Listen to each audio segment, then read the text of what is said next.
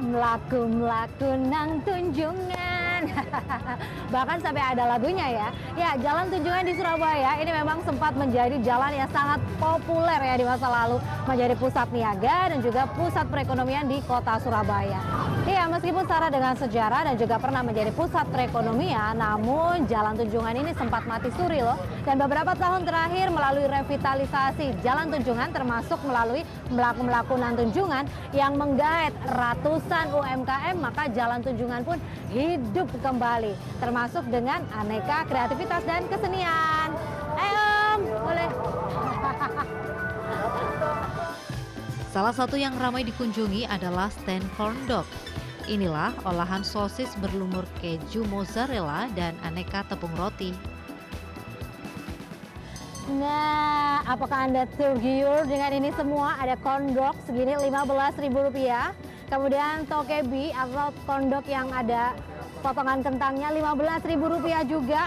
Sama ini ada chicken sticknya, dua ini Rp18.000.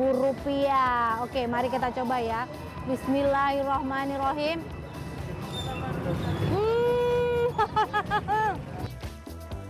Ada juga stand olahan seafood yang disajikan dengan tusukan lalu dibakar di lokasi termasuk juga dengan es potongnya. Pentol bakso jumbo seperti ini atau biasa dikenal dengan big lato lato tiga gini sepuluh ribu rupiah enokinya sepuluh ribu rupiah juga cumi segede gaban gini lima belas ribu rupiah gurita berderet-deret ini dua puluh ribu rupiah kita coba ya Bismillahirrahmanirrahim Hmm. Hmm. Mantap nih ya, super worth it dengan harganya ya. Udah jadi. Nah, makasih berapa ini? 10 ribu. Hmm. Es potongnya 10 ribu, jadi inget masa kecil kita loh. Hmm. Hmm. Karena murah meriah dan aksesnya terbuka untuk umum, kini kawasan Jalan Tunjungan pun tak pernah sepi. Tadi kulineran juga nggak Pak? Iya.